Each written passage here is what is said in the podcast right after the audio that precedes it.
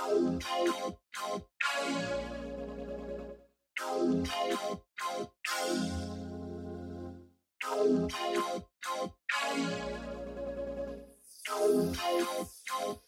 I wrong to hunger?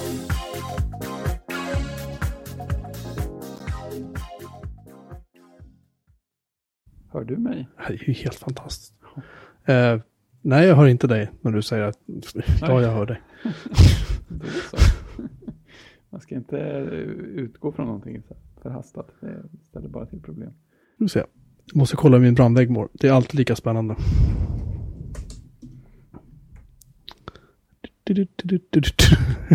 Nej, det är lugnt. Det är, inte så, det är faktiskt inte så mycket trafik Skönt. för det här chattandet. Det tar inte så mycket. tror jag. Lugnt på stressen. Men jag vill ju pressa liksom. Har man, har man en gigabit att bränna vill man ju bränna så mycket som möjligt. Ja, det är inte lätt att göra slut på den sådär. Slutgiltigt. Nej. Nej vi har ett, en bunt lyssnare via vår shoutcast-server också. Det är ju lite trevligt. Det är trevligt. Ja. Mm. Vilken drar mest eh, bensin? Är det Shoutcast eller Jitsi? Eh, Jag skulle tro att det är Jitsi faktiskt. Det borde ju vara det. Ja.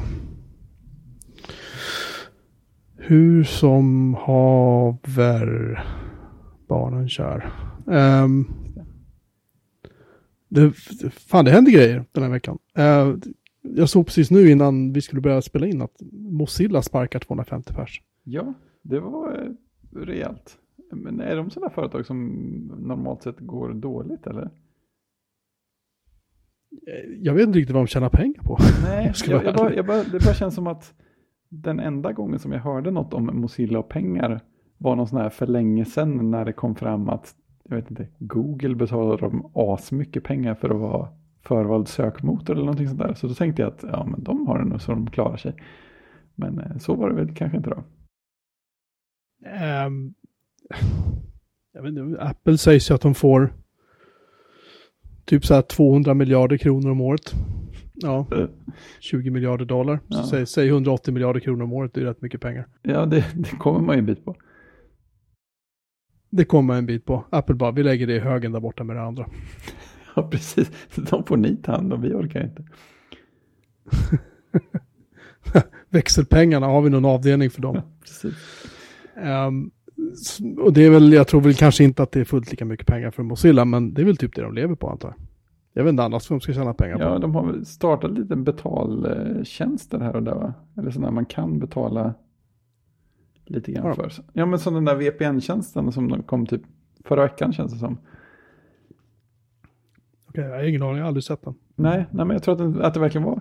Jo, men det var nog på förra veckans avsnitt av Trevlig mjukvara som de pratade om det. Att eh, Mozilla har släppt en eh, VPN-tjänst som eh, väl är Mullvad VPN bakom kulisserna.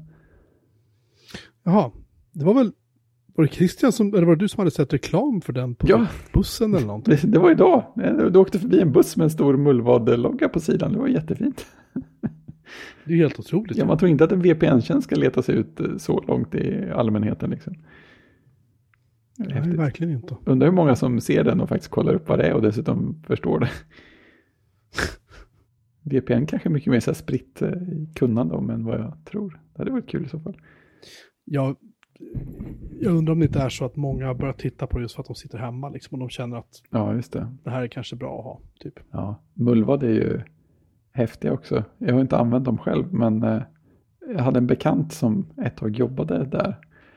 Och eh, ja, dels så är de ju jättenoga med, alltså de håller ju stenhårt på så här att inte ta in persondata när de inte måste och folks anonymitet och sånt. Så att de har ju massa så här krångliga betalmetoder för att folk inte ska behöva avslöja sin identitet för mullvad ens. Så, så här, du kan typ, jag vet inte om du kan ha så här postcheckar eller mejla checkar eller så här. Nej, men OVPN, de här som jag använder, Mm. har använt i flera år nu, de har ju liksom samma sak. Där kan du betala med bitcoin, du kan Ja, just betala med eh, så här, post över, um, överföra pengar. Vi ska se eh, det. här. Ska se vad det står att man kan betala. Här kan man betala. Du kan betala med bitcoin. Du kan betala kontanter, du kan skicka kontanter till dem. Du kan swisha till dem. eh, Betala med kreditkort. Du behöver inte skapa ett riktigt liksom, konto med några uppgifter. Så här, mailadress behöver du inte ange. Nej, det är så det. här, du kan göra precis så anonymt som du vill. Mm. Ja, det, det andra, andra sidan har det varit att de var ju extremt eh, noga med säkerheten på sina egna maskiner och sin utveckling och sånt där också. Så att så här, de förseglade alla så här, öppningar på laptopsen med någon så här glitterklister och sen fotade de mönstret i det så man skulle kunna se om någon hade gjort något med någon, någon lucka på datorerna. Så det tog alltid den och sen körde de någon sån här, vad heter det, heter det Cubes OS kanske? Eh, Jag vet inte. det är en sån här säkerhetsvariant där i princip varenda applikation har sin egen, eh, sin egen sandbox eller nästan sin egen VM. Någonting åt det hållet. Mhm. Så att ingenting ska kunna läcka data till något annat sådär okontrollerat. De, ja, de var seriösa människor kan man säga. Jag, jag skulle nog inte klara att jobba där, men jag fick ett bra intryck. Det, det är sådana människor som man vill ska göra ens VPN-tjänst, det känner jag. Ja, för de här OVPN är likadana. De har ju 89 servrar i 17 länder. Det är bra. Inga, inga hårddiskar. Ja, finns inga, de, hade, de hade någon bloggpost där de typ har bilder, eller blogg, de bloggar ibland där de skriver typ så här. Nu sätter vi upp en ny sajt liksom och så ser man bilderna från de racken. De tar de alltid bild på racken så får man se. Liksom. Mm. Ehm, och så ser man att det sitter inga diskar i överhuvudtaget. i det är fint. Så de, de nätbotar på något sätt och sen så, ja, det är ganska häftigt faktiskt. Mm. Det är kul med folk som verkligen går in för att göra sina saker på, på rätt sätt. Ja, det tycker jag. Ehm, jag läser faktiskt på OVPNs blogg nu, där har jag missat att de har faktiskt, uh, nu har nog så här filmbolag har varit på dem Jaha, och vill ha ut användardata. ja det kan de ju. OVPN Fights Court Order, vi ska se vad det står. Svensk filmindustri, Rights Alliance in Sweden, de, eh, vill, ha, vill ha information om ett användarkonto. En specifik, vilken användare var uppkopplad på en viss IP-adress Mm. vid en viss tidpunkt. De vill ha namn, adress, betalinformation och hur länge användaren var betalande kund hos OVPN. Alltså de har ju inte den här informationen för att de har ju inte, de loggar ju ingenting. Nej, det måste ju vara ganska lugnt på det sättet. Så de, de loggar inte trafik, de har inga så här tidsloggar, inga DNS-uppslag, inga IP-adresser, inga MAC-adresser, inte hur mycket du överför, ingenting. Allting körs, Nej, eh, allting körs i ram, skrivs ingenting till diskarna. Allt raderas, inte, inte ens operativsystemet loggar någonting. Det är ju jättefascinerande. ja, det är ju sjukt häftigt. Jag, jag loggar ju inga webb, alltså inga loggar för webbservrarna jag har heller. Jag loggar ingenting längre. För det, jag har en error-logg liksom om någonting, bara för att se om någonting är paj. Mm. Det loggar jag. Men jag har ingen, alltså inga IP-adresser eller någonting i dem som syns. Så jag kan aldrig se vem som besöker mig. Det är skönt. Och sen, ja det är rätt skönt, sen raderar jag de där loggarna. Jag tror en gång i veckan eller någonting jag raderar bort dem.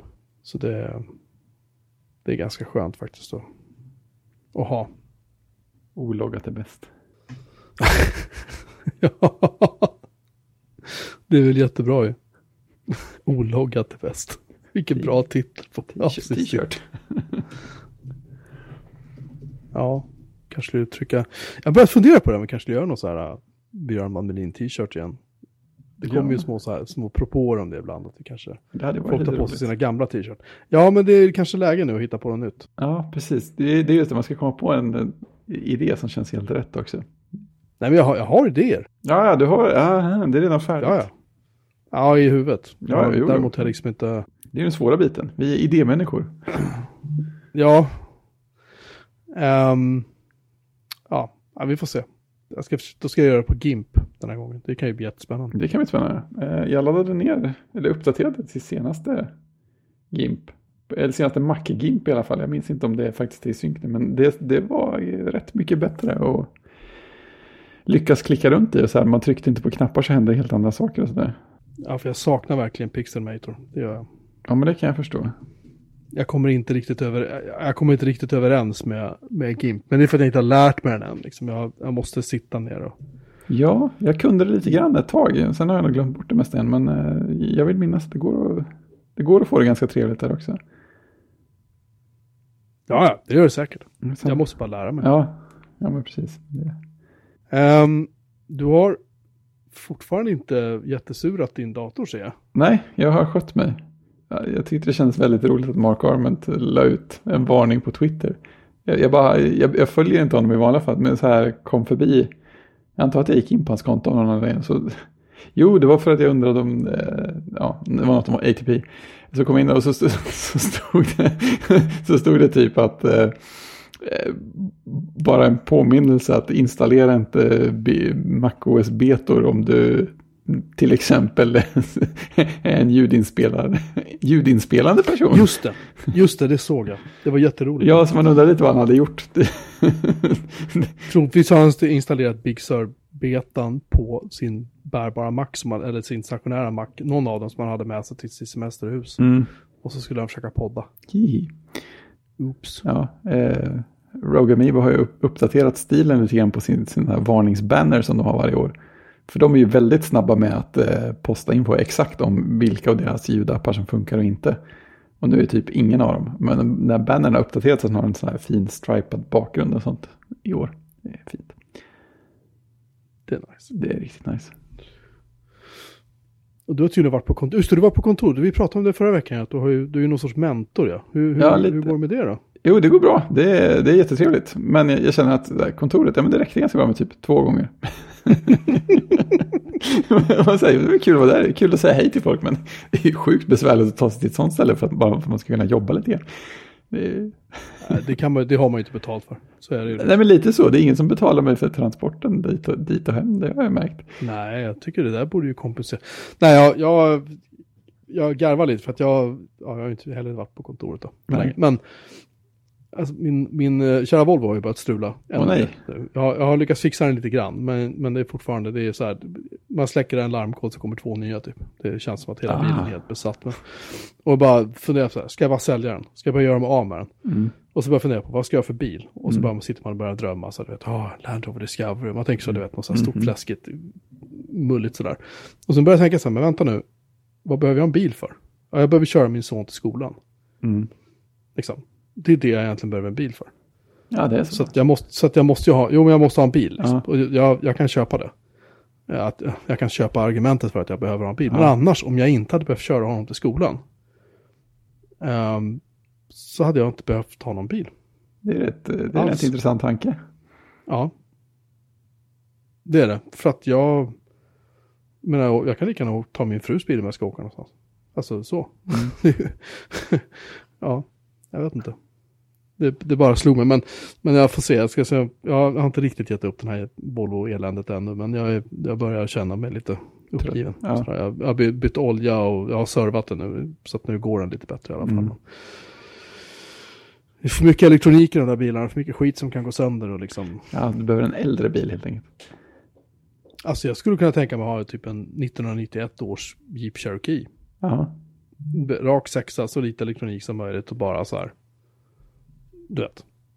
Bensin, kör. ja Man går, sköt, servar med dem så går de typ aldrig sönder liksom. Så att, ja, jag vet inte. mm. Nej, det tilltalar med något som inte har så mycket delar som kan lägga av. Någon så här, Alltså de har inte ens, alltså den, jag hade ju en 89 sån en gång i tiden, den hade inte ens airbags. Nej. Vad ska man ha airbags till egentligen? Mm.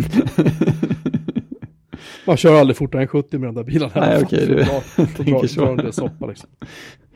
Ja, någon sån här rysk eh, reaktortraktor eller någonting.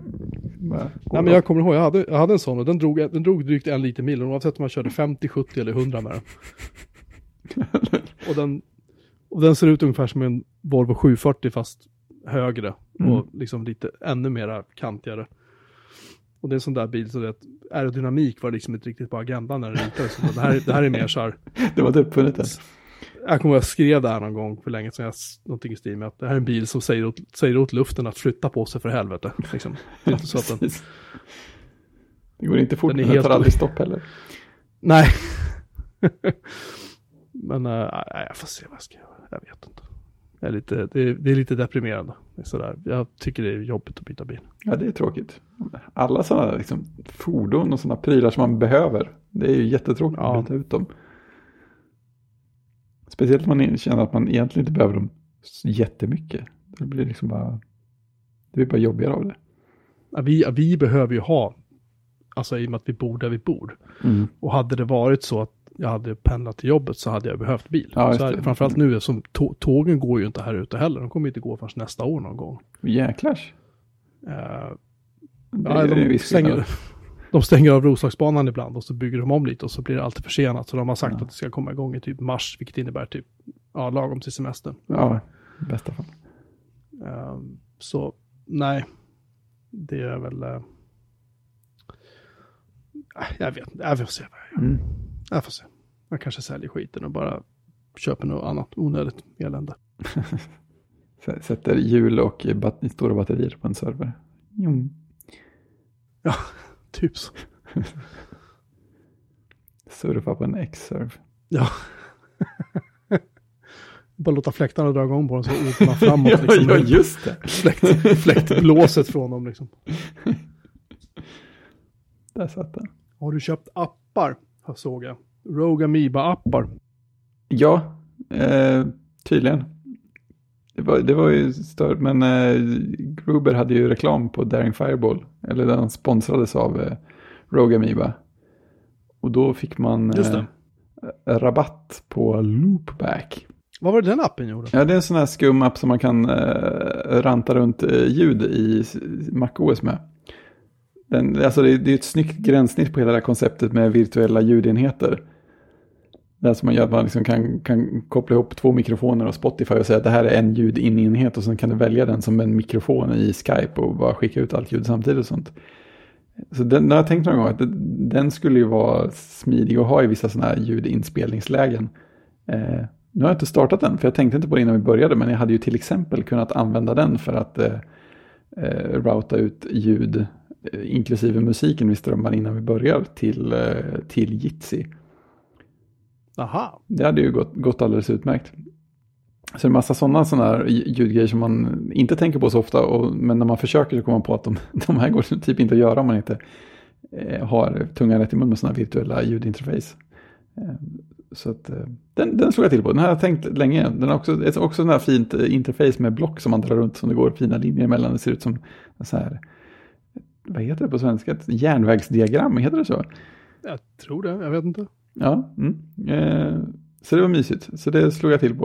Eh, Och sen så passade jag på att uppgradera Sound Source till senaste versionen också. För att det ska man ju göra. Gruber sa att det var några nya fina animationer i det. Och det, det hade han ju rätt i. Oj, jag lyckades skrämma Sound Source. Oj! Lever, lever sändningen Vad gör du fortfarande? nu då? Ja, jag hör det.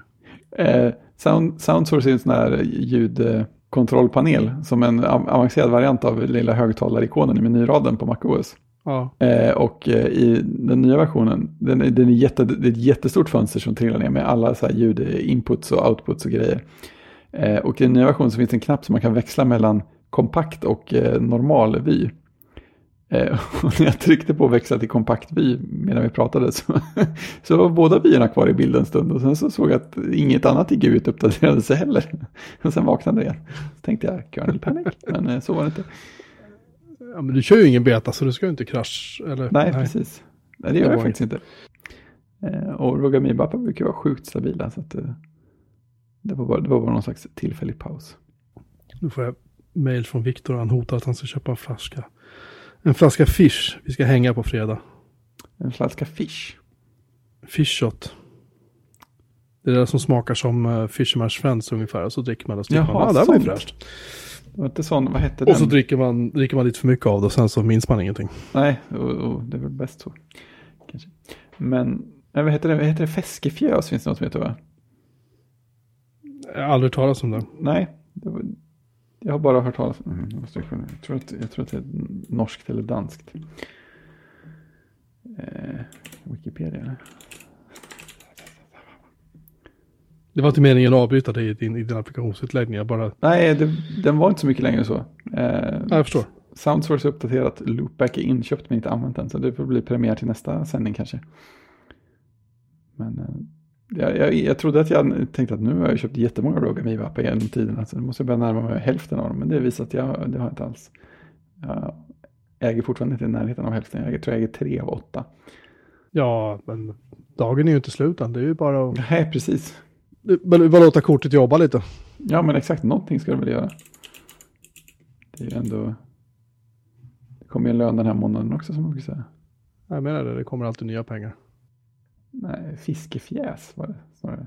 Helt annan. Fiskefjäs. Men ja, om eh, Safari slutar badbolla ett för ett ögonblick så ska jag... Nej, Konstigt, ja, jag kör Firefox, det funkar alldeles utmärkt. ja, men jag eh, har en dator utan processor. Vet du. Ja, sitter du, sitter du med lilla, lilla leksaken och håller på? Ja, ja. Man kan ju inte använda jobbdatorn jämt. Ja, du tänker så. Alltså Fishshot är, är en sorts likör. Med inslag av mentol, eukalyptus och lakrits. Den Men det är den? sen- serveras antingen rumstempererat eller kyld som digestif. Ja, Och den är helt... Eh, jag har druckit den en gång. Eh, och jag gör aldrig om det. För att få kallas likör inom EU måste drycken innehålla minst 100 gram socker per liter sprit. Det visste jag inte om. nej. Det här är nog danskt, det här är nog danskt, där har vi fiskefjäs. Ja, precis. det måste vara samma. För kolla texten där. Det, det är precis samma smakbeskrivning som du sa. Ja, det kanske det är. Det måste det vara. Och nu när jag läser smakbeskrivningen så känner jag att jag inte druckit den. Den har kommit fram på en fest jag var på för länge sedan. Den här görs i, vad sa jag, görs den i Danmark va? Nej? Den ska omskakas före servering också. Mm. Alltså flask, flaskformen är ju, det är ju samma form på flaskan. Ja, det här måste ju vara samma. Det måste vara samma. Ja. Brun färg med grön nyans. Ja, jag, jag vill inte prata om det. Det, det slutade illa. Let us never speak of this again. Nej. Ja. Usch, fy fan. Nej, jag, tänker inte dricka, jag tänker inte dricka det överhuvudtaget än så länge jag lever. Det, det, det är ett löfte. Eh, hur... eh, min son, min yngsta son, är, lite förvirrad just nu. Han, han sa till mig i bilen, pappa, jag håller på att spara till ett, eh, till ett Nintendo Switch. Jag sa, jaha, ja, Mhm. det, det är ju bra, det är ju ambitiöst. Och när jag köpt en sån, då ska jag spara ihop till en Samsung. Oj, Och då, och då var jag så här, "Va- men varför då? Jag, "Ja, för att jag vill ha större skärm. Och jag så här, försökte förklara för honom att här köps det inga Samsung. Utan, utan, precis. Ett. utan, utan det, det tar jag och hans mor hand om. När det ska köpa större telefoner så löser vi det. Typ så. Mm. Vänligt men bestämt. Men du håller fortfarande på med din SE. Jaha, Första generationens SE. ja, första. Den riktigt lilla telefonen.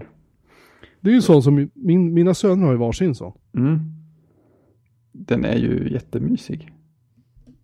Det, det skumma är att jag, innan jag bytte till den så, så gick jag ju in för att använda telefonen så lite som möjligt. Eh, Det slutade med när jag bytte ner mig. Så att det fåniga är att jag använder den här telefonen mycket mer än jag använde den stora jag hade innan. Vilket känns eh, snett. Men det är ju alltså, det är ju så sjukt skönt format. Och ja, den, den Får drar ju plats i- Det batteri får plats i en ficka. ja, det är för att batteriet är slut antar jag. Ja, jo, det. Ja. Men, men det, alltså det är, samtidigt det, no- är någonting väldigt sådär, väldigt rätt med att alla, alla sådana små appar som man behöver för att man behöver dem. Typ så säkerhetsappar av olika slag och one password och bank-id och sånt där. De blir på något sätt ännu lite smidigare att vara en mycket mindre pryl som får plats mycket lättare i fickan och sånt där. Det, Alltså jag har fått tillbaka min dotters iPhone 7 för hon har ju gått och köpt något nå, uh, elände. ja, överlappar. Ja, nej, jag är lite upprörd. Hon, eh, det var inte en, det var en Xiaomi tror jag det var. Jag kommer ihåg. okej. Som hon är jättenöjd med. Förutom när hon inser att hon har ju faktiskt inte iMessage längre. Hon har, hon har inte, det är massa så här uh, grejer som hon har insett. Jaha, fanns inte det på Android? Nej, okej. Hennes sambo kör Android så det är väl Mm. säkert där. Jag ska prata med honom också vid tillfälle. Men hur som helst så. Ehm, någon, någon, någon Samsung kommer ju inte på tal. Men däremot så är jag också lite grann sådär. eh, För jag har ju den här äh, förbenade äh, iPhone 11 som jobbtelefon. Och jag är Mm. lite så här, jag har ju min Note One M8 är ju, den är ju för slö, så är det bara. Den går ju inte att använda i praktiken. Det, det är så här, om jag ska öppna en länk från ett mail och så ska Firefox läsa in den länken. Alltså det är som hela telefonen fryser i 30-40 sekunder liksom. Och den är stekhet i princip hela tiden. Så att det är inte riktigt, den är inte riktigt med längre, den här Nej. stackars lilla luren. Så jag har funderat på det där att jag ska ha två lurar, ska jag köpa en Fairphone eller vad jag ska göra. Men jag tänker att kanske den här iPhone 7 jag har här Mm. rakt framför mig nu. Den skulle jag kunna ha, för den är ju mindre, den är ju smidig. Ja, den skäms ju inte för sig. Jag tänker det också. Så det, det är väl en väg att gå. Eh, kanske. Vi får se. Ja, precis. För SE är lite, lite Men, i äh, din hand va? Alltså, det, nej, det är inte det som är ett problem. Problemet är att jag ser inte så bra längre. Du vet, för att ja, jag är gammal och allt det där. Eh, så att jag skulle ha svårt att läsa Mm. på den. Men en sjua tror jag skulle funka alldeles utmärkt. Ja, men precis. Där har man väl fler ställmöjligheter också. Ja, men jag, hade, jag hade ju en åtta på mitt förra jobb som Mm. jobbtelefon. Och så hade jag en tia privat då. Och då tyckte jag att Just tian var så här, ja men den var ju precis lagom. Och så tyckte jag åttan var lite så här, eh, lite liten kanske så här. Mm. Liksom. Men den här jävla elvan som jag brukar beskriva som ett, det är bara att sätta ben på den så har ett bord liksom.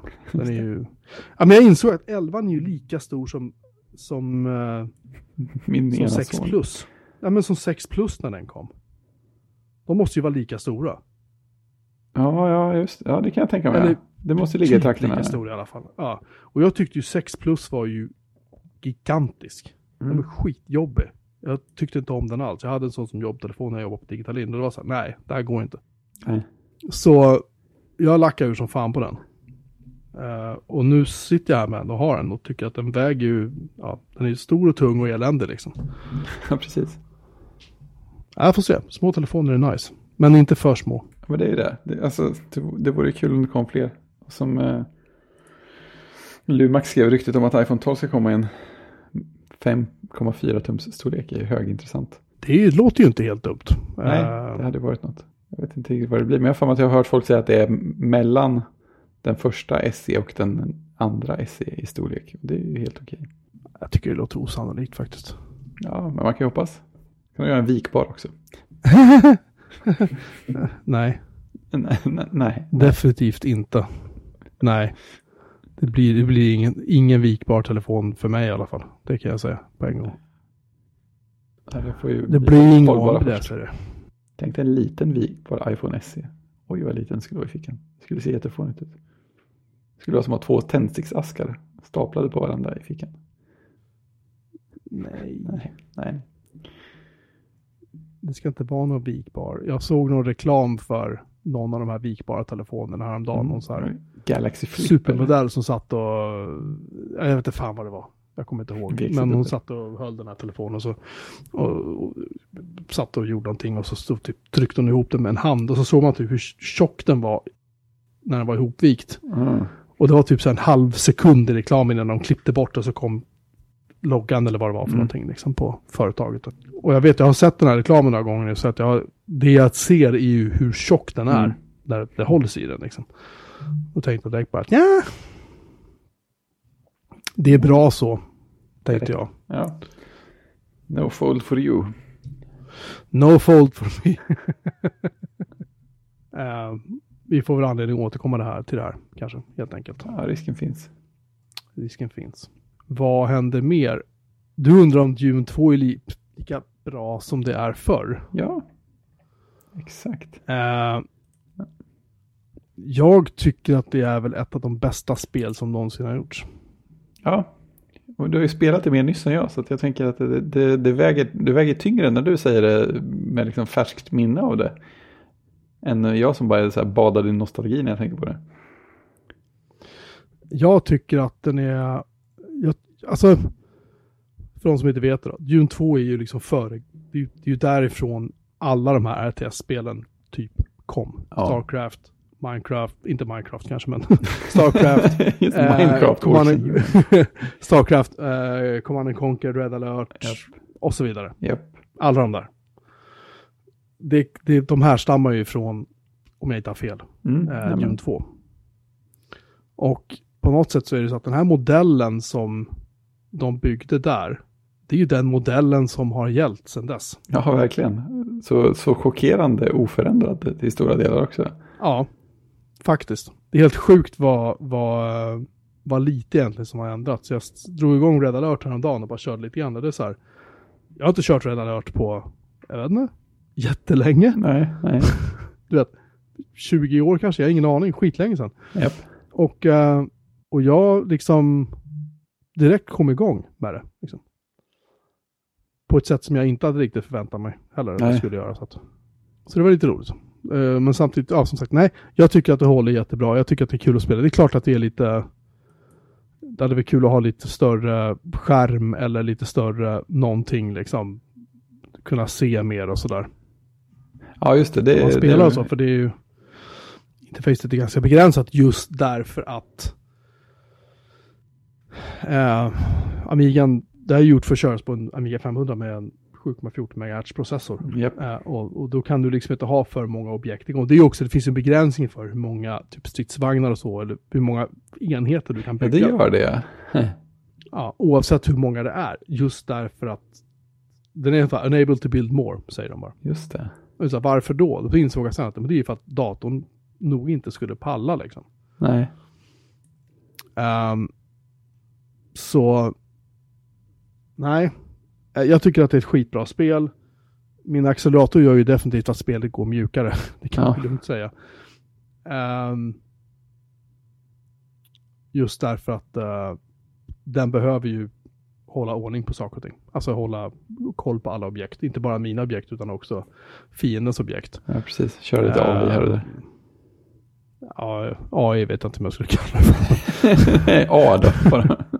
Ja, den är, den är ju inte supersmart, men och sen är det ju, liksom lite grann upplägget är ju så här att du kommer in och ska etablera en bas där fienden redan har en bas och så typ bygger du någonting.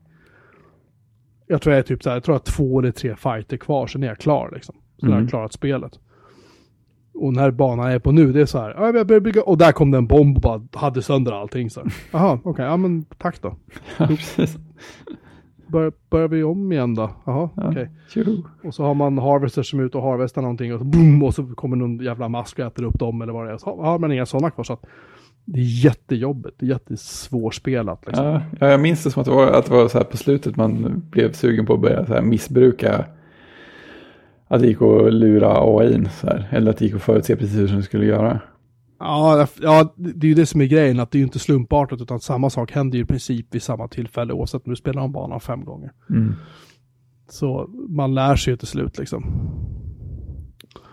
Ehm, hur, vilket, vilket, och så sparar man ofta. När det Ja, börjar bli så här sjukt ofta banor. har jag för att man sparade. Ja, för då kan man, då kan man liksom så här, eh, som bana innan dess så var det så här, eh, då kom det så här små flygande saker och bombade. Liksom. Mm. Och hade du inga pengar då, och så då kunde du ju inte reparera. Liksom. Ja, just det. Eh, så då blev det lite jobbigt. Ja, Så, så att då var man ju tvungen att se till att man hade pengar när man visste att de här jävlarna skulle komma då. Så man var tvungen att bygga upp rakettornsförsvar så man kunde skjuta ner dem där. Och det räcker inte med att ha ett torn då. Nej. måste ha typ tio. just det. ehm, för de är inte så snabba på att skjuta. Och Nej. sen så, och sen så, eh, och de drar jättemycket ström. Och så måste man bygga upp sådana här vindfångare då som genererar ström Mm. alltså el. Och eh, eh, de skjuts ju sönder, de tar ju skada ganska lätt av, jag vet inte, bara man typ tittar på dem så verkar det som att de i princip rasar ihop liksom. Så måste man reparera dem hela tiden och så bara fortsätter och fortsätter och fortsätter liksom. Ja. Men den, den lyckas jag ta mig ur. Det, det tog typ en timme och 20 minuter att spela den banan tror jag. Mm. Vilken sida Och- spelar du som? Eh, jag spelar ju självklart i, eh, vad heter de nu, de snälla? Atreides. Eh, de bra, ja. Atreides, Ja. ja. För jag, jag tycker att de, de verkar trevliga. Precis, det är så man gör. Jag skulle spela om det, då ska jag nog spela det som de här, inte som Harkonnen utan de andra. Vad Wardos. Um, Wardos, som jag är lite nyfiken på. Ja, det var som var påhittade för spelet va? Jag tror det, för de är inte med i filmen i alla fall. Nej. Jag vet inte om de är med i böckerna, men de är inte med i filmen. Nej, jag tror inte man. Jag, jag har inte läst alla böckerna. Jag har läst den första. Där var de inte med. Eh, på tal om ingenting ska jag nämna så är det ju faktiskt en ny Dune-film på gång. Ja, just det. Av han, vad heter han, Villeneuve? Eller? Ja, han som regisserade Arrival. Blade Runner, Blade Runner 2049 eller vad fan det var, och Arrival och ett bunt andra filmer som vi ju tycker mycket om. Mm. Och nu har det börjat postas på Twitter så här lite bilder, så här Mm. lite art. Liksom. Snart ska det komma. Första trailern är på gång nu. Ah, Och den är jag så sugen på så jag liksom typ håller på att kissa på mig. Mm. Den, den vill jag, jag hoppas så att den här filmen är bra. ja. Må, Det- många, tyck, många tycker att den första Dune-filmen är en jävla, det är en kalkon. Men jag tycker inte, jag, jag, jag tycker jättemycket om den filmen av någon anledning. Men det, det är du väl inte helt ensam om heller va? Det är inte så kul. Nej, nej, nej, nej, nej, nej, men den, den är ju, det är en kultfilm, men den är ju tokfloppad när den kom liksom. Ja. På sådana Så, filmers dum. vis. Ja, det är kanske lite grann tror jag, Toto soundtrack var kanske var lite olyckligt och sådär. Liksom, lite så. Så Det finns, finns problem. Ungefär som när Queen gjorde, så, jag var faktiskt jag tvungen att få tag i den, uh, Blixt, eller Flash Gordon, Mm. filmen. Som Queen gjorde soundtracket till. Ja. Det är skitdåligt, hela filmen är helt kass. Titellåten kan man ju inte låta bli att gilla i alla fall. Flash! Och, så bara, och så säger vi samma sak om och om, om, om igen. Ja, ja det, alltså, textförfattaren fick ju inte betalt per ord i alla fall. Nej, han, han jobbade inte supermycket. Nej, Nej. han inte. Tänk att han fick en klumpsumma. Du får jättemycket pengar per ord. Han bara, cool. sju, sju ord och lite ljud. Så här. Mm. Nej, men i alla fall. Ehm, ja, vad skulle jag säga om det? Uh, Dune 2, helt klart rekommenderat spelas, att, att spela fortfarande. Ehm, Jag rekommenderar varmt att man spelar här på en riktig Amiga. Ehm, för att det är så beroende av att, att musen fungerar alltså klockrent. Och kör man det här i en emulerad Amiga så kan det vara lite, alltså det brukar ofta funka, men det kan vara lite si och så med den saken. Ja. Ibland. Jag kommer ihåg att jag såg, såg det hemma hos en kompis också. Rullande på någon sån här hemsk tidig bärbar kloss till PC. Och Ja. då, då var det ju så här, då skulle man styra med en, alltså, jag vet inte om det var en touchpad eller en track, vad heter det, trackpoint. Och sen så var det sån här, sån här tidig, vad, var det egentligen? Var det typ LCD-skärm eller något? Det var så här jättemycket ghosting på så fort något rörde på sig. Det var så att man kunde liksom inte fokusera så bra så att man såg pixlarna när saker rörde sig. Det var väldigt skum Ja, känsla. men det var väl så här mono, typ monokromskärmar i alla fall. Det var Nej, det var faktiskt färg. Men det var ju, det var nog ännu suddigare av den anledningen kan jag tänka mig. Det måste ha varit CGA eller EGA kanske. Jag tror Ja. inte att det var VGA, eller kan det ha varit VGA? Alltså det var, det, som jag minns det så var det, det, det kändes ju inte som att det var färre färger än på Amigan. Så tänker jag att det var VGA i alla fall. Nej. Det såg ju inte så här gräsligt ut som det, brukade göra med CGA. Det måste ha varit VGA. Det kom faktiskt först till MS-DOS. Dune 2, Det gjorde det. 1992 i december. Mm. Sen släpptes det till Amigan 93. Och sen släpptes det till Mega Drive och Genesis eller vad det nu heter. Uff, tänk att styra på 93. dem. Ja, och sen kommer den riktiga cliffhanger. Sen släpptes det för Risk-OS. Det vill säga, Oj! antar jag, för uh, Archimedes. Archimedes-maskinerna 95. Oj, vad fräckt. Undrar hur det rullade på dem. Eh, det vore skithäftigt att pröva. Ja, eller hur? Eh, Den som har en Archimedes och Dune 2. Alltså jag känner ju en kille som har flera Archimedes. Så att jag kanske skulle... nu, nu snackar vi. Reportage. Det ligger, det, det ligger i farans riktning. Ja, jag har faktiskt skrivit, han var med i Datamagasin Retro nummer tre. Simon heter han. Det är han som har, Ja. han som eh, skrev, han, Ja, han som har förstås, skapat de här, um, så still i huvudet igen. Um, det här projektet när de typ katalogiserade hela England på 80-talet. Vad hette det nu igen? Ja, det är jag. Eh. Hette det Magna Carta någonting? Nej, det, Nej. Hette, det hette nog jättekonstigt. Men skitsamma. Um, Oj. Domesday, Domesday heter det. Ja, förstås. Just det. Och det är, inte, det är inte samma sak som Doomsday, utan Doomsday är då... eh, ja. Jag minns inte storyn bakom, men den är med, jag tror att det var Datamagasin Retro nummer Mm. tre vi hade med den. Ja, den skärmdumpning jag har postat i vårt chattrum nu för övrigt Mm. är från, eh, det där är från PC. Tror jag. Det där är inte från uh, Amigan i alla fall. Det är inte sådär skarpt, det är inte på Amiga. Nej, det är ganska många färger. Ja, ja, dels det, men sen så är det ett annat djup i färgerna. Det är annat tryck Ja. vad Amigan har. Och sen så är det... eh, Ja, man ser bara texten och man ser bilden på Missile Tanker. De där är mycket mer detaljerade än vad Mm. de var på, på Amigan. Men det är jätteroligt att rulla upp med typ så här fem, sex siege tanks och så fem, sex, sju stycken så här uh, rocket launch, eller missile Just rocket det. launch grejer, missile tank som de kallas för. Och så kör man fram missile tanket bara precis så långt så, och så Mm. sätter man den på gar och så säger de så här, men vänta nu, där är en fiendebas. Och så bara skjuter de raketer. Mm. För på läng ju längre avståndet är, desto bättre är de på att pricka. Mm. Och så samtidigt rullar man in siege tank som tål hur mycket stryk som helst. Och så bara, Ja. bara mölja ner allting. Ja, liksom. det är det, det är det som är själva essensen. Det är, det är dit man vill komma hela tiden. Ja, så det är det det handlar om. Det är bara så här, bygg, bygg, bygg, bygg, bygg, bygg, bygg. Och så är det bara röj. Och så är det samtidigt fortsätt bygg. Och så måste du ha typ så här 5, 6, 7 harvesters igång samtidigt liksom för att kunna finansiera din, Mm. eh, ditt- missbruk, höll jag på att säga. det är en ganska bra beskrivning. Um, alltså det finns ju, om man har, råkar ha en, eh, en lämplig dator att köra här på så kan man säkert köra det under, kanske skulle funka under XP, jag har ingen aning. Det, det, alltså, det lär väl garanterat gå att få igång i DOSBox, eller hur? Ja, det borde jag. Vi ska se om Good Old Games har det. Det känns som att de borde ha det. Nej, de har det inte. Va? Vilken chock. Nej, de har det faktiskt inte. Kolla, såg någonting här. Det fanns ju Dune 2000 kan- också, det ska man inte spela Du kan, du kan köra under Windows 10. Du kan köra i DOSBox. Det kan du göra. Mm, mm. Det såg ju rätt fräscht ut. Ja, ja. Jag har ju kört Command and Conquer i DOSBox också. Det rullar ju fantastiskt bra. Basic needs. Search for and download Dune 2. Så är det en länk. Precis, vi kan inte säga mer än så. Men, Den är faktiskt listad på myabandonware.com. ja, vad skönt. Och den stödjer DOSBox 0.73. Det är typ det senaste va? Har ingen aning. Jag är inte en jättestor DOSBox-användare. Nej. Men eh, jag kanske skulle damma ner det här och köra det på min 4 Eller men jag har ju en från en Pentium 4 här med Windows XP på. Jag kanske skulle pröva att köra på den. Man kan också spela det i sin webbläsare på den här sajten. myabandonware.com. Det är också Det är ju coolt. jätteroligt ju. Den senaste versionen av DOSBox är 074-3 från 26 juni 2019. Inte hänt så mycket. Just det, det är det här som är det bästa. Har du, varit, varit, du kan ju gå till dosbox.com och kolla deras logga. Vänta, jag ska bara spara Dune 2. Jag måste ladda ner det. Ja. Dosbox.com. det är jätteroligt. Ja, det är så att jag tror att det funkar med DOSBox. Det är jätteroligt ju. Det är jätteroligt. Vi lägger in det i, eh, vad heter det, ja, definitivt. eh, avsnittsdokumentet. Ja.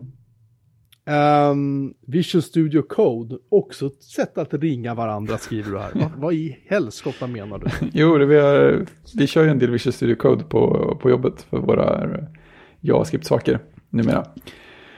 Eh, och nu har jag, i och med att vi har gjort sådana här onboarding och sånt och ska sitta och introducera och typ koda ihop och så.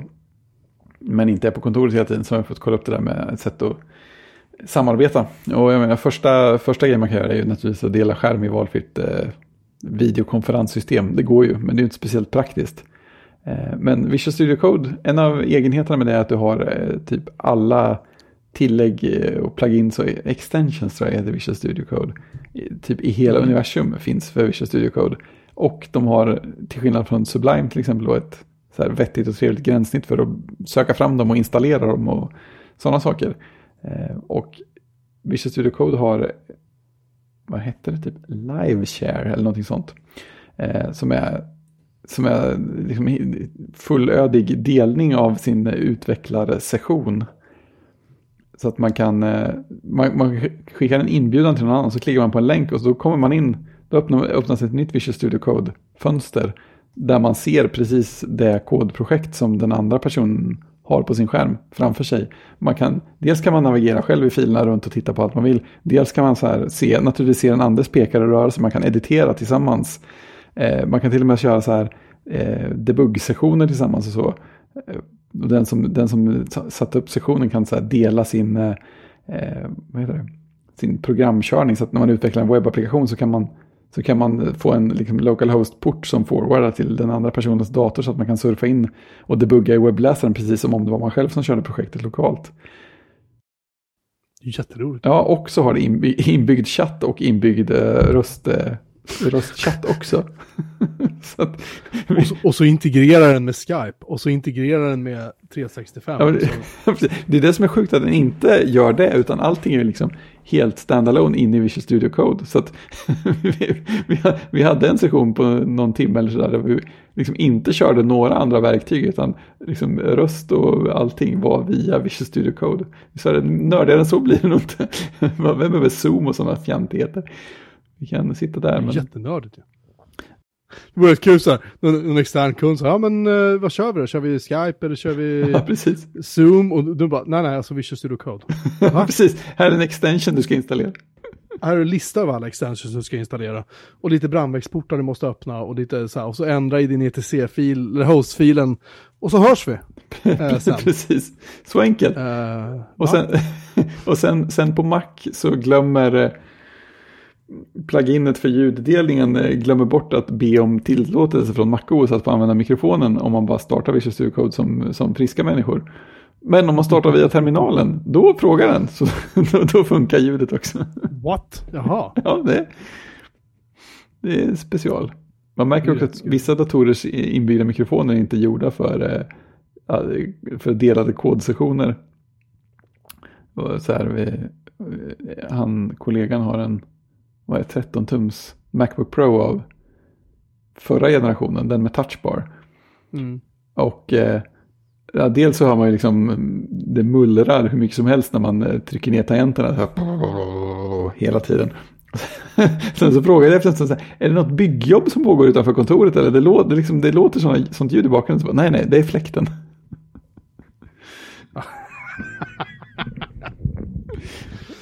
Jag har startat Visual Studio Code på min dator några gånger här. Mm. Jättemånga kärnor och jättemycket minne och det, jävlar vad den får slita alltså. Ja, det är så. Ja, det är ju en Electron-app. Ja, men den är ju nog den mest väluppfostrade elektronappen. Ja, ja, ja, den, alltså den kraschar ju aldrig, det är inget sånt. Nej, men jag tror att den, den är rätt väluppfostrad i resursanvändande också. För att vara elektron i alla fall. Ja, det kanske, ja. Det är inte omöjligt. Det funkar okej liksom. Mm. Men, men eh, det, det märks ju. Det märks ju Mm. att man... Att den inte är native om man säger så. Nej, nej, den känns ju inte som en Mac-app sådär rätt upp ner. Nej, min stackars dator fick ju slita hundra när jag, när jag eh, körde en mindre iMac, eller en mailmigrering från min eh, Oj, Exchange till, eh, nu inte. till en, en, en IMAP-server istället.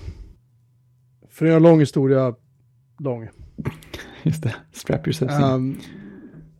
Ja, det här är skitjobbigt. Det, är det är ju, folk har ju börjat göra sig lustiga över hur mycket jag har sönder mina saker hela tiden. Men det här, det här, det här var inte riktigt mitt fel. Um, eftersom jag har gett bort de UPS jag faktiskt hade som fungerade, vilket jag har nämnt tidigare, så har det visat sig att det var ju sällsynt dålig timing att göra det, därför att elnätet här har ju varit ganska ehm, inte så tillförlitligt om vi säger så den här sommaren. Aj, aj. Och i morse så fick vi, hade vi ett strömavbrott igen som bara var fem minuter kanske. Men jag har inga UPS i, i källaren till servrar och sånt. Så Ja, de inga alls nu. Direkt. Nej, jag har inga alls. Ja. Jag har, inte, jag har inte råd att köpa batteri för jag har beställt trallvirke istället för alla pengar. Ehm, hur som helst. Så normalt sett så brukar inte det här vara något problem. Men problemet var att just när det här hände den här gången så stod den också och tog backuper på alla VMar. Ja, Och när man använder ett backup-program som heter Veeam, som är trevligt. Det finns delade åsikter om det, men jag tycker att det funkar bra. Då så eh, tar den snapshots på servrarna och så backupar den snapshotsen. mm. Och problemet är att när den eh, gör det, om då strömmen går samtidigt, så tycker VMware att nu har vi en massa snapshots och grejer här, nu vet vi inte riktigt hur det här hänger ihop. Nej, typ, det kanske har hänt förut och så har det funkat, nu funkade det inte. Så när jag skulle, när allting var uppe igen, så skulle jag starta mailserver, eller mailserver skulle autostarta, och så startar den och så stänger den av, så, och så höll den på sådär. Jag tyckte, jaha, började jag kolla vad det var, och så var det så här, ja, fick alltså jättekonstiga felmeddelanden, så visade det sig att när jag googlade på det, så var det så här att du måste ta bort alla snapshots. Och så gjorde jag det. Mm. Ehm, gick inte superfort eftersom den stod och startade upp typ 40 maskiner samtidigt från samma storage. Och sen när jag gjort det så säger den så här, ja ja nej, men du måste konsolidera din lagring. Jag tänkte, ja men det är väl snabbt gjort. Det är väl så här, är väl Konsolidera din lagring. Ja men det är ju 300 gig lagring, jag vet inte. Det är ju rätt mycket liksom. Men, men det är ju Ja. inte supermycket ändå liksom. Det tog väl 10 och en halv timme att göra. Sweet. Ehm, och jag bara kände lite grann att så här, nej, nu, nu känner jag att det kanske börjar bli läge och, för att grejen är att även om du får igång Windows-servern sen, då har du nästa problem, vad händer med databasen som Exchange kör i? För den kan vara ganska, om den pajar, du har, du har ju verktyg inbyggda som du kan reparera den med. Mm. Men jag har åkt på det här förut en gång att en Exchange-databas pajade. Eh, så att det gick inte att reparera. Det gick inte. Oh. Vad som hände då är att Exchange bara så här, nej men jag tänker inte montera den här databasen. Fuck you. Så här, ja men Mm. hög, högklicka repair bara, nej det, det finns inget sånt som, då får du man köra verktyg och så måste man bygga om massa index och så får man liksom hoppas att det här ska funka. Men om den metadata som du bygger indexer på, om de är skadade, då är du körd. Mm. Jag har ju backuper på det här, men att återställa den här backupen via Veeam, det hade tagit jättemånga timmar. Ja, Eh, jag har också en bare metal, en så kallad bare metal restore som är tagen med Windows Servers egna backuper. Alltså jag har dubbla backuper på Exchange Server. Så att det är inte det att jag inte har backuper. Men jag hade bara tänkt att det skulle gå fortare liksom att återställa det här. Så att, Mm. och sen är det så här, det är inte så att du kan som i Linux eller FreeBSD eller vad som helst, så här, titta i loggarna, skriva kommandon, börja mecka, dumpa ut databaser, du vet, göra saker mer och mer handgripliga. Som det, det kan du liksom inte riktigt göra i Windows. Det så sitter man i event viewer och så är man så här, "Ja, vad fick jag för fel nu då? Så sitter man i PowerShell och försöker knappa kommandon som man typ inte förstår. Och, Precis. så jag tänkte att okej, bra, jag ska sätta upp en IMAP-server och så ska jag liksom bara testa och se hur funkar det. Mm. Och så började jag titta runt på vad som är bra. Och sen så hade jag tidigare tittat på en system som heter I, iRedMail, alltså iRedMail. Mm. Jättefyndigt. fyndigt. Superfint. Och den prövade jag först att installera på FreeBSD och där typ funkar det inte. Och tänkte så här, nu skiter jag i det här. Jag slänger in CentOS bara så länge. För det här går att migrera över sen till en annan server om jag skulle få igång det på FreeBSD. Så jag slängde upp en CentOS 7-burk. Installerade, inga problem, modda lite grann, fixa cert via Let's Encrypt, papp, papp, papp, papp, Eh, uh, migrerade över mina 90 någonting tusen mail. Uh, eh, tog en stund. Eller inte jättelång tid, men det tog en stund. Så att nu kör jag min mail på, för, för mina, mina konton uh, körs på den här uh, Linux-maskinen. Och den har alltså 2 gig ram, ska jag säga. Exchange-servern har 16. Och har fyra CPU och den här uh, mail-servern har typ en CPU. Så att de drar i princip ingen, ingen kräm överhuvudtaget. Liksom. Mm. Och iRedMail, som jag uttalar det som, stödjer ju inte bara IMAP, utan det stödjer också CalDAV och CardDAV, vilket innebär att du kan Mm. ha kontakter och kalendrar och så. Eh, och det stödjer också allt det här via ActiveSync. Mm.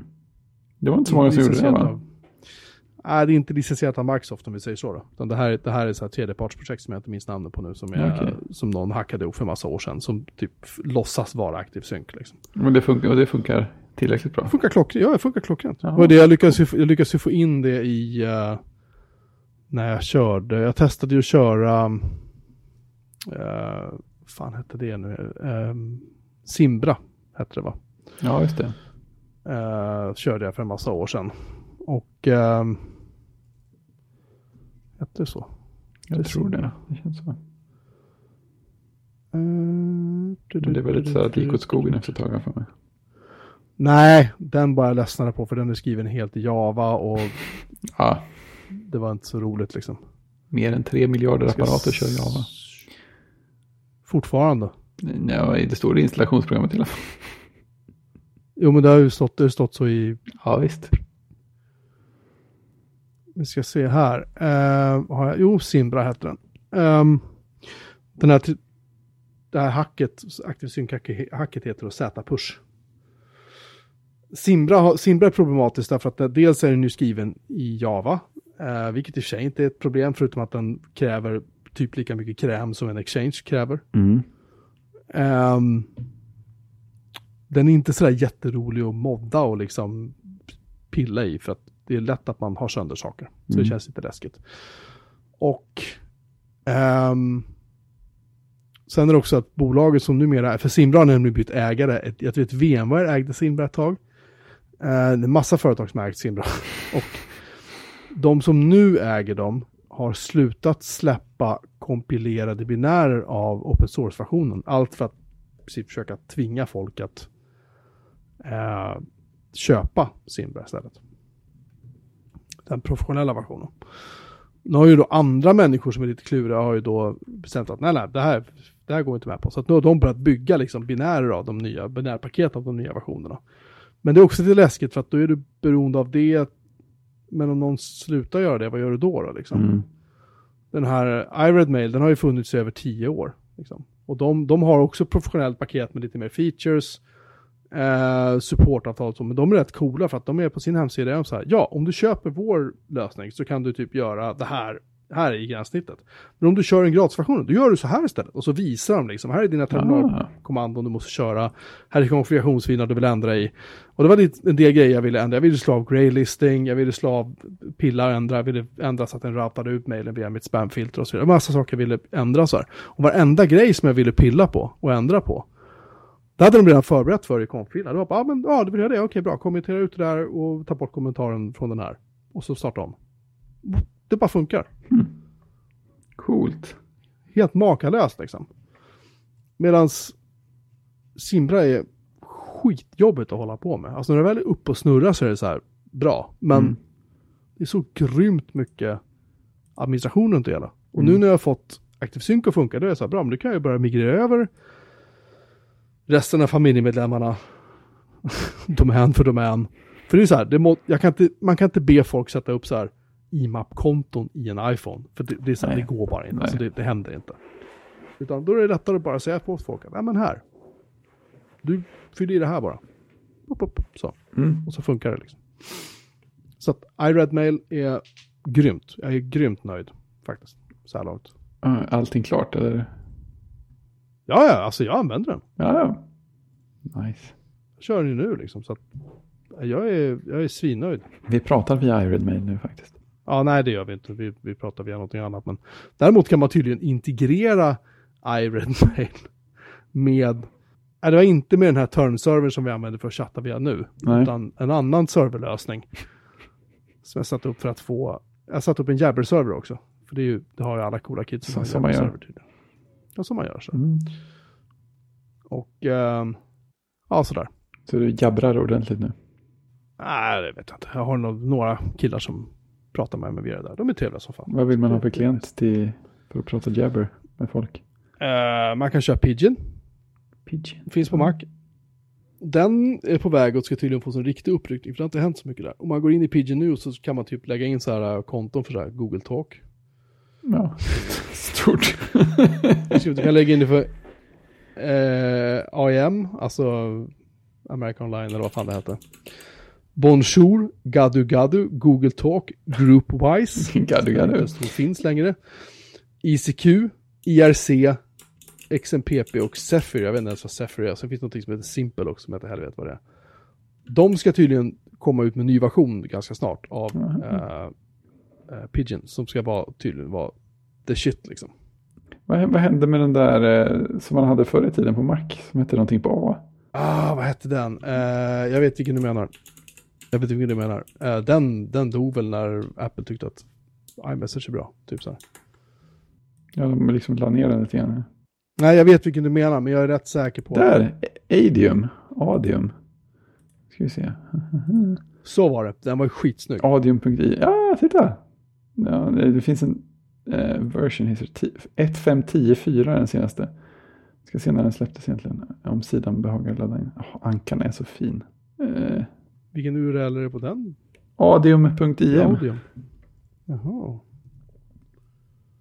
Men eh, det går ju ärligt talat sådär. Nej, den är död. Den går inte att ladda. Mm.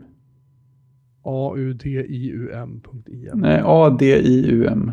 Startsidan laddar ju, men inte... Där. Just det, Ankan ja, så var det. Den stödjer också så Google Talk och massa konstigheter. Mm. Den, men eh, 10.5, 10.1 och senare kräver eh, MacOS 10, 10.75 eller senare. Så att de är inte superuppdaterade tror jag. jag ser det. Nej, jag tror att den är rätt körd faktiskt. Ja, 25 mars 2017 kommer 1.5.10 ja. 3 beta 1. Tanken är att sätta upp ett konto på min eh, Audium, eh, eller förlåt min Jabber-server åt dig så får du också vara cool. Just det. 10, 10. Google Talk. Numera heter det Hangouts, ja. Just det. Google Hangouts. Bonjour. Ja, den stödjer Twitter. Lotus Same Time, den kan jag säga, den finns inte heller längre. Och här har vi Groupwise och Gadu Gadu. Jag vet inte ens vad det är. Det är, det är, en, po, det är en polsk, det är en polsk, polsk Ah, stort i Polen som vi kan säga. Ja.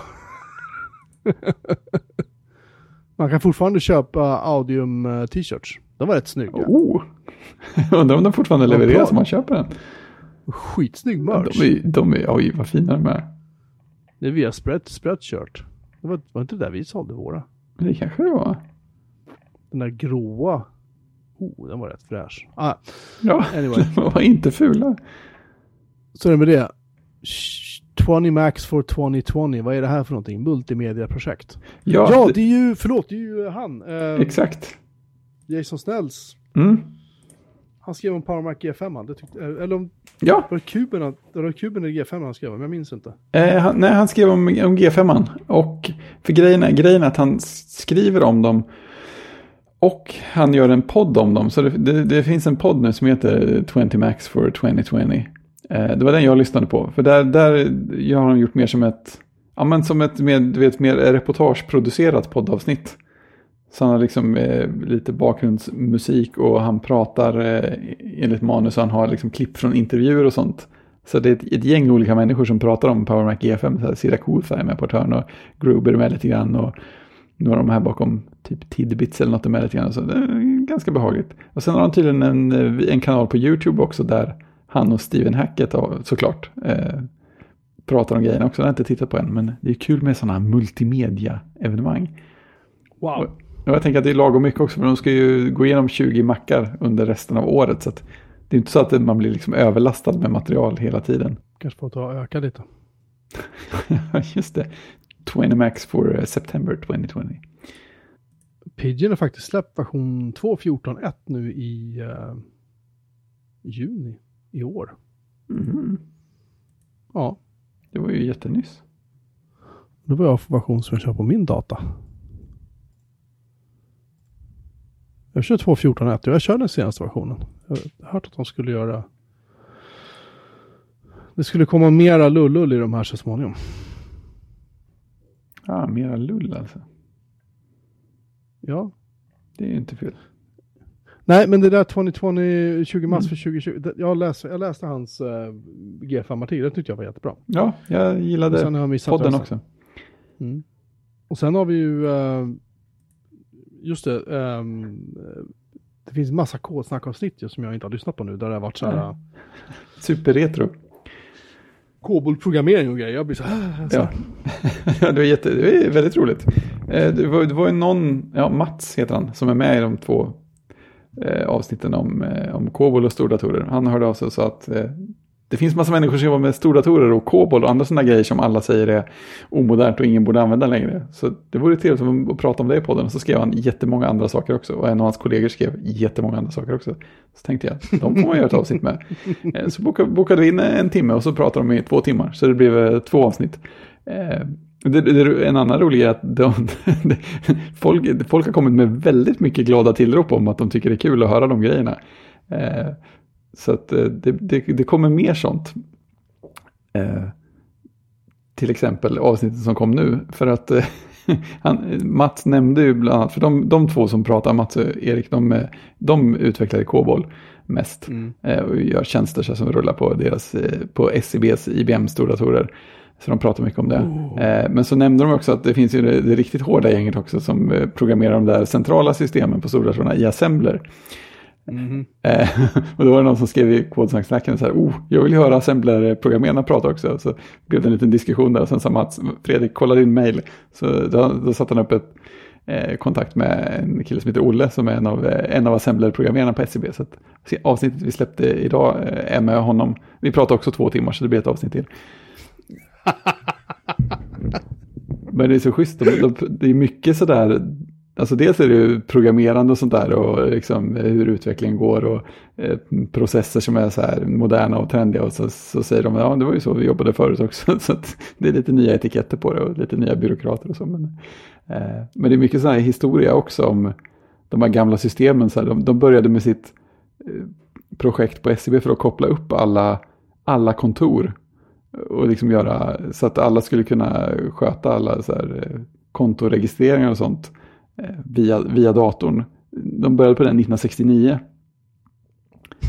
Eh, och, ja, men, och, och, de, och de, satt, de var klara och hade det i drift på tre år. Och Shit. ja, då hade, de, då hade de köpt in stordatorer, utvecklat all mjukvara och i projektet ingick också att eh, dra kabel för att koppla upp alla bankkontoren på SCB i hela Sverige. Det är ju inte... Alltså det, det är sådana, sådana här projekt, de romar ju inte i land längre. Det, det händer ju liksom inte. Nej. Häftigt. Ja. Jag måste lyssna på dem där. De, jag har dem uppköade i, i, eh, i Overcast, men Ja. jag har inte... Ja, jag, jag har försökt Just kapitelindela det också så att man ska kunna hoppa till lite sådana Det är väldigt sådär flytande naturlig diskussion men det finns ju ändå lite sådär hyfsade växlingar mellan, mellan ämnen om man eh, om man vill, eh, vill få någon slags överblick om vad som pratas om så kan man kolla på kapitelindelningen. Nej men så, så det, var- det var kul. Eh, skoj med nya infallsvinklar, eller gamla infallsvinklar om man så vill. Och så här system som bara, bara rullar också. Så här, ja men vi uppgraderar ju det i farten. Det är ju inget annat att göra. Vi, har, vi måste alltid uppgradera i gränsen mellan bokföringsdygnen för då är det minst antal transaktioner i alla fall. Precis. Det är inte så många som skriker. Nej men exakt, det var så här, men de här K-bollsystemen de är rätt centrala. De, jag tror att de gjorde så här tusen transaktioner i sekunden typ hela tiden. Och det kan man ju tycka mycket. Men sen assemblersystemet, det gör 2000 transaktioner i sekunden. Eh, och det, och det, och det kördes ju på, från början på en dator som var kraftfull som en moraklocka ungefär. Så att, så att när man kör det här i moderna system, då märks det knappt i processorsbelastning. Det tar liksom hand om alla centrala kontotransaktioner. Det, det, bara, det bara står där. Jag, jag kommer ihåg när diskussionen var så här slutet på 80-talet, början på 90-talet. Där, ah, nu är stordatorerna döda liksom. Mm. Computer Sweden och alla där gick ut och skrev att nu, nu kommer PC-servrarna och nu jävlar vet du, nu. Mm. Det var Unix och det var Unix och det var, Unix är fint och bra men liksom det var, det skulle köras på PC-maskin och så här. Och så, så jag vet när jag, jag pratade om det här med stordatorgubbarna på ICA när jag jobbade på ICA första gången då. Mm. 96, nej vad fan det var. Mm. Och de liksom, ja, jag berättade förut, de, satt, de hade ett eget rum på kontoret där de spelade hårdrock på hög volym och rökte inne på kontoret. Liksom. Det, var, Mm. och det var ingen som vågade gå in dit. Men jag var ju tvungen att gå in dit, för jag var ju tvungen att prata med. Jag tyckte det var jättespännande. Ja, Liksom. det är klart, det är klart. Och de var ju hur sköna som helst. De Ja. bara, det är aldrig någon som kommer in dit. Jag bara, nej, konstigt. och, eh, och, eh, och sen så, och, men de var skittrevliga. Så började vi prata och, och jag bara sa det, ja men alltså, resten av ICA kör ju OS2. De bara tittar på oss och asgarvar och bara glöm det. Det finns ingenting vi kan slänga upp idag och bygga som ger oss lika mycket kraft och liksom redundans och driftsäkerhet som Mm. de här jävla stora datorerna. Och de där stora datorerna är i drift fortfarande. Ja, men det är ju det. De, Liksom. de är liksom till för att stå där och rulla. Men de berättade inte jag det. När jag jobbade där så var det ju, det stod, det stod ändå i alla fall nere i uh, Årsta partihallar som ligger strax söder om stan. Mm. Uh, Ica hade i alla fall då något så här jättelager där nere. Det är säkert flyttat nu, men, men då, då stod den där. Och eh, det var tydligen en brand. Det var något som började brinna i den. Eh, om den här storyn är sann, men, men jag, jag, de, de som berättade för mig då, de, de sa nej, nej, men det här, det här hände liksom. Och då tydligen var det så att de fick byta, det var något CPU-kort tror jag det var, som hade typ så här fått en jävla kortis. Mm. Någonting hade gått sönder på dem i alla fall. Så de bytte det och ett minneskort under drift. Mm. Den gick aldrig ner. Nej, nej, de, de, är, de är inte till för det. Liksom. De, de, ja, brand var väl att ta i. Det var inte så att det brann så att brandkåren var där. Men det blev kortis och så kom det lite, lite, liten puff of smoke som man säger. Ja, Puff, så här. Och så kom det lite ett rökmoln ur den och så, haha, så här. Men den fortsatte ju leva, så att de, Mm. de bytte alltid under drift, så de tog aldrig ner den. Aldrig. Nej, nej men det gör man det är inte. helt, helt otroligt coolt. Men, kodsnack, definitivt. Mm. Vi lägger in länkar till de här avsnitten tycker jag i uh, våra... Ja, det kan vara kul för någon, hoppas jag. Jag tyckte det var kul, så jag vann redan där. Ja, men sådana där grejer är alltid så roliga för att Ja, folk som har gjort det här och du vet som har så här stories att berätta. Äh, Ja, men exakt. fan, Kom i år, där, 99, och det kom en invasion av den här Sambron. Jävlar, vi fick jobba med. Ja, du vet. Man bara, ja men man sitter, och ät, man sitter och äter det där med sked liksom. Det, är så, Ja, det är så skönt att bara höra. Och så, så tänker man så här, jag fattar ingenting av vad du säger, men jag älskar det ja, liksom. men, ja men exakt. Ja, men det, det, det är kul också för att han, han Olle som var med i senaste avsnittet som kommer i nästa avsnitt också då. Han, han, har han, jobbar, han jobbar med att utbilda nya assemblerutvecklare också. Så, där, så man, man känner att han är ganska pedagogisk. Man känner att han, han har nog tagit ner liksom det. Han skulle kunna säga rätt mycket mer invecklade saker men då hade det inte jag förstått. Så han har liksom, man känner att han, han är van att sänka nivån till oss vanliga dödliga. Eh, det uppskattar jag väldigt mycket. Men Eh, kände du efteråt att den programmeringen du gör, det är lite så här, lite fånigt. det är lite fånigt det, med det, vad är också han så gör. här, det är också så här jättefascinerande. Det känns som man har tappat så mycket på vägen. Eller att de som pysslar med de där maskinerna, de, de eh, har ett mycket, liksom, på många sätt sundare tänk. För det är så här, den här ska inte gå ner. Nej, men då bygger vi så att det inte gör det då. Och så här, han var ju med en massa andra så här arbetsgrupper och sånt och tittade på, liksom utvärderade andra system som skulle, skulle tas in. Och så frågade de så här, ja men verifikation att data har kommit fram här, ja, hur gör ni det? Så bara, Nej, men det, det här systemet är alltid uppe. Så bara, mm, det är det säkert, absolut. Hur gör ni på riktigt? Så bara, Nej, det har vi inte. Det, det är så mycket så här, liksom, noggrannhet och sånt som, som jag kan börja tänka borde vara liksom bara god eh, hantverksmässighet inom utveckling. Som vi andra bara liksom låtsas som att det inte finns. Och sen blir vi jätteförvirrade när vi får ett race condition någonstans. Eller, sådär, så bara, ja, men, eller så kan man ju bygga systemet rätt från början. men, men, men det lär vi liksom inte varandra att göra. Vi, bara, vi, vi, vi liksom mer bygger och hoppas att det inte ska hända för ofta. Du fick varningar liksom. Ja, ja, men uh, alltså, alltså den, det, det gick ju igenom. Ja, men- men precis. Den, Men det här den startade oftast. ju. Ja, jo, men det kommer lite, loggarna skiter ur sig felmeddelanden bara, ja, ja, men alltså, det är lugnt. Ja, men, ja, men precis. Menar, ibland kommer data fram. Den rullar det ju är liksom. bra. Ja, precis. Den kraschar ibland, så vi startar om processen en gång i timmen, som typ man gör med Java. Ja. Eller något. Ehm, ja, i alla fall. Sen är jag lite arg på Postnord också. Ja, det vad har hänt. Eh, Vad har hänt? Jag skickade, iväg en bunt paket, jag, jag skickade iväg en bunt paket för några veckor sedan. Ja, det hörde jag talas om. Ett av paketen stod, fortsatte stå som liksom så här oskickat i um, Postnord-appen. Mm. Och när man läser så, så står det i princip att nej men det här paketet är inte inlämnat ännu.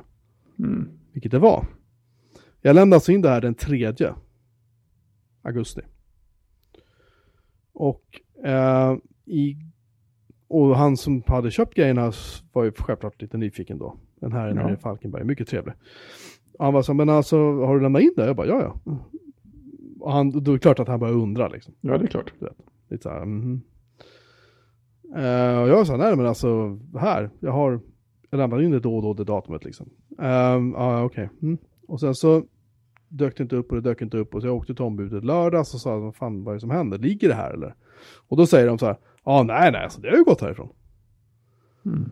Jaha okej, ja men du får komma in på måndag säger de om du inte har dykt upp då så får vi reklamera det. Okej, då åkte jag dit igår. Uh, för igår är en måndag.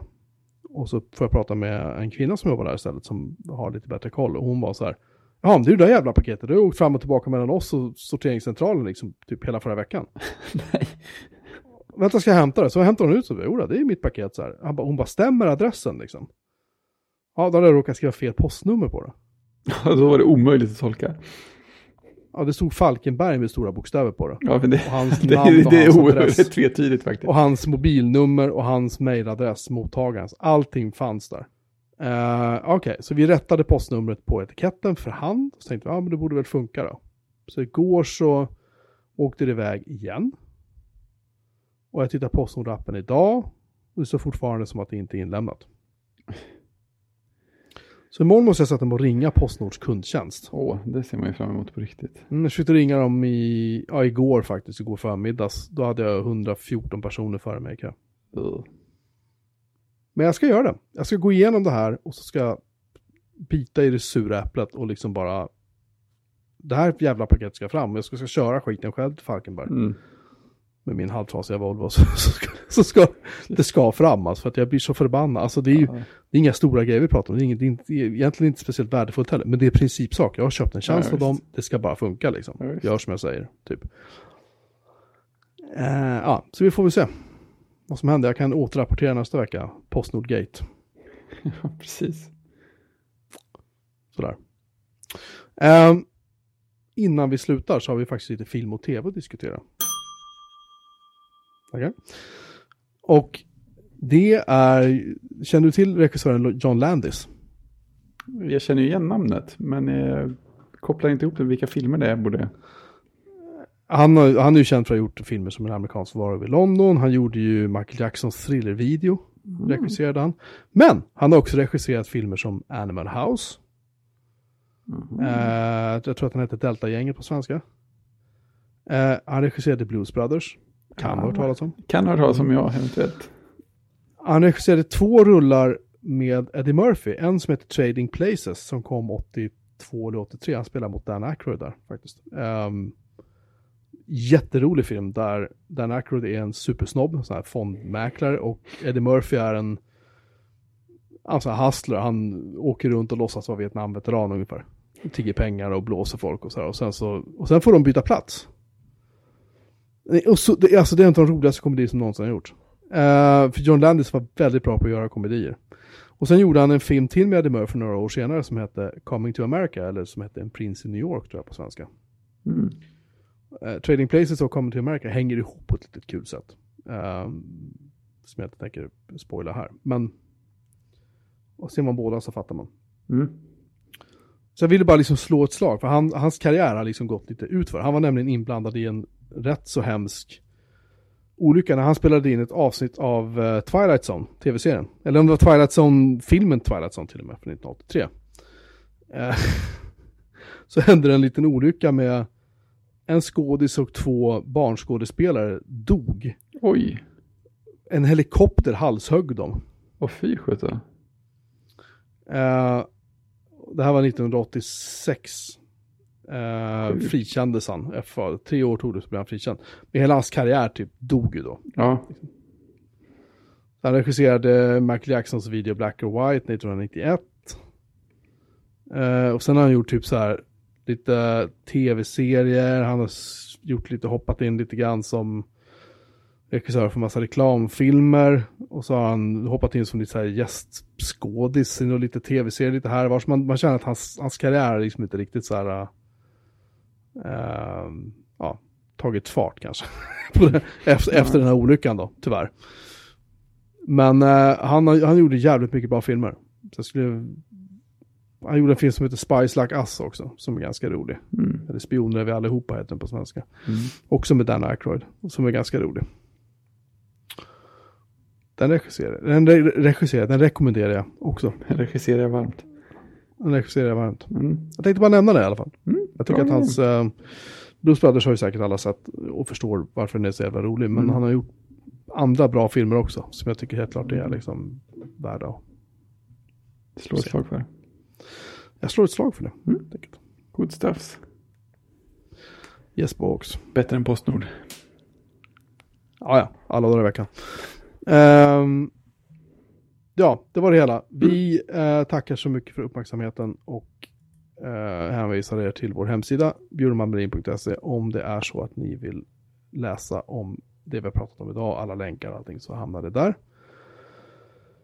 Och sen så eh, finns vi på Twitter, att Bjurman Vi finns på Mastodon, att Bjurman at mastodon.social. Vi finns på Peertube om man går in på Peertube, P-E-E-R-T-U-B-E